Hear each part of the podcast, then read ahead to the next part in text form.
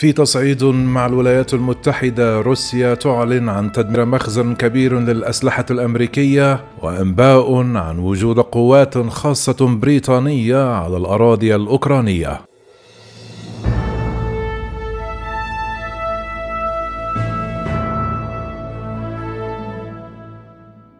أعلن الجيش الروسي السبت أنه استهدف بصواريخ بالغة الدقة مخزنا كبيرا قرب أوديسا في جنوب أوكرانيا يحوي أسلحة تسلمتها القوات الأوكرانية من الولايات المتحدة. قالت وزارة الدفاع الروسية في بيان أن القوات المسلحة الروسية عطلت اليوم بواسطة صواريخ بالغة الدقة وبعيدة المدى منشأة لوجستية في المطار العسكري قرب أوديسا كانت تخزن فيها كمية من الأسلحة الأجنبية التي تسلمتها من الولايات المتحدة ودول أوروبية.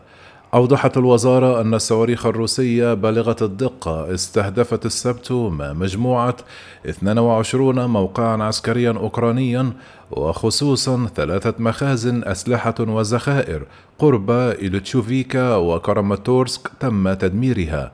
أورد المصدر نفسه أن الطيران الروسي نفذ ضربات جوية استهدفت 79 موقعا عسكريا أوكرانيا وقصفت خصوصا 16 مخزنا للمدفعية والوقود.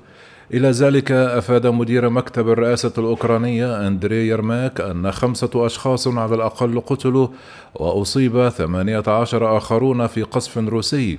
استهدف مدينة أوديسا جنوبي أوكرانيا. كتب يرماق عبر تليجرام أوديسا مقتل خمسة أوكرانيون وإصابة ثمانية عشر.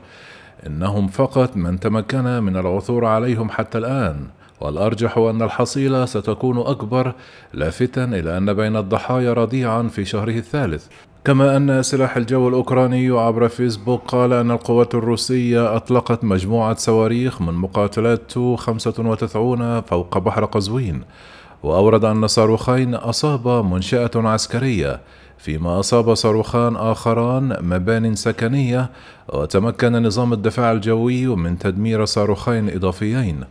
كتب وزير الخارجية الأوكراني ديمترو كليبا على تويتر أن الهدف الوحيد للضربات الصاروخية الروسية على أوديسا هو إثارة الرعب داعيا إلى إقامة جدار بين الحضارة والهمجيين الذين يهاجمون بصواريخ مدن مسالمة.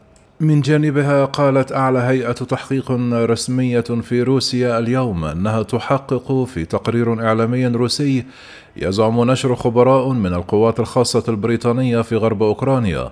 هذه القوات الخاصة هي من قوات النخبة العسكرية البريطانية المدربة على القيام بالعمليات الخاصة والمراقبة ومكافحة الإرهاب. ونقلت وكالة الإعلام الروسية اليوم عن مصدر أمني روسي قوله أنه جرى إرسال نحو عشرون عضوا في هذه القوة الخاصة إلى منطقة لافيف.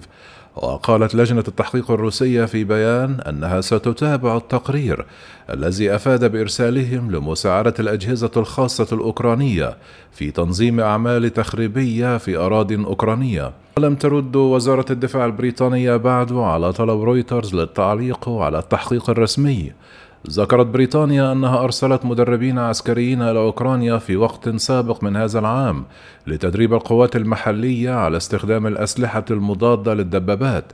وفي السابع عشر من فبراير أي قبل أسبوع من العملية العسكرية الروسية كشفت الحكومة البريطانية أنها سحبت جميع القوات باستثناء القوات اللازمة لحماية السفير البريطاني. تأتي هذه التطورات بالتزامن مع مباحثات أجراها الرئيس الأوكراني فلاديمير زيلينسكي اليوم مع رئيس الوزراء البريطاني بوريس جونسون.